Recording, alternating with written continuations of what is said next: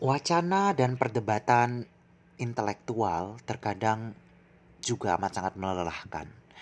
Karenanya jangan lupa untuk bersenang-senang dan menyayangi diri sendiri.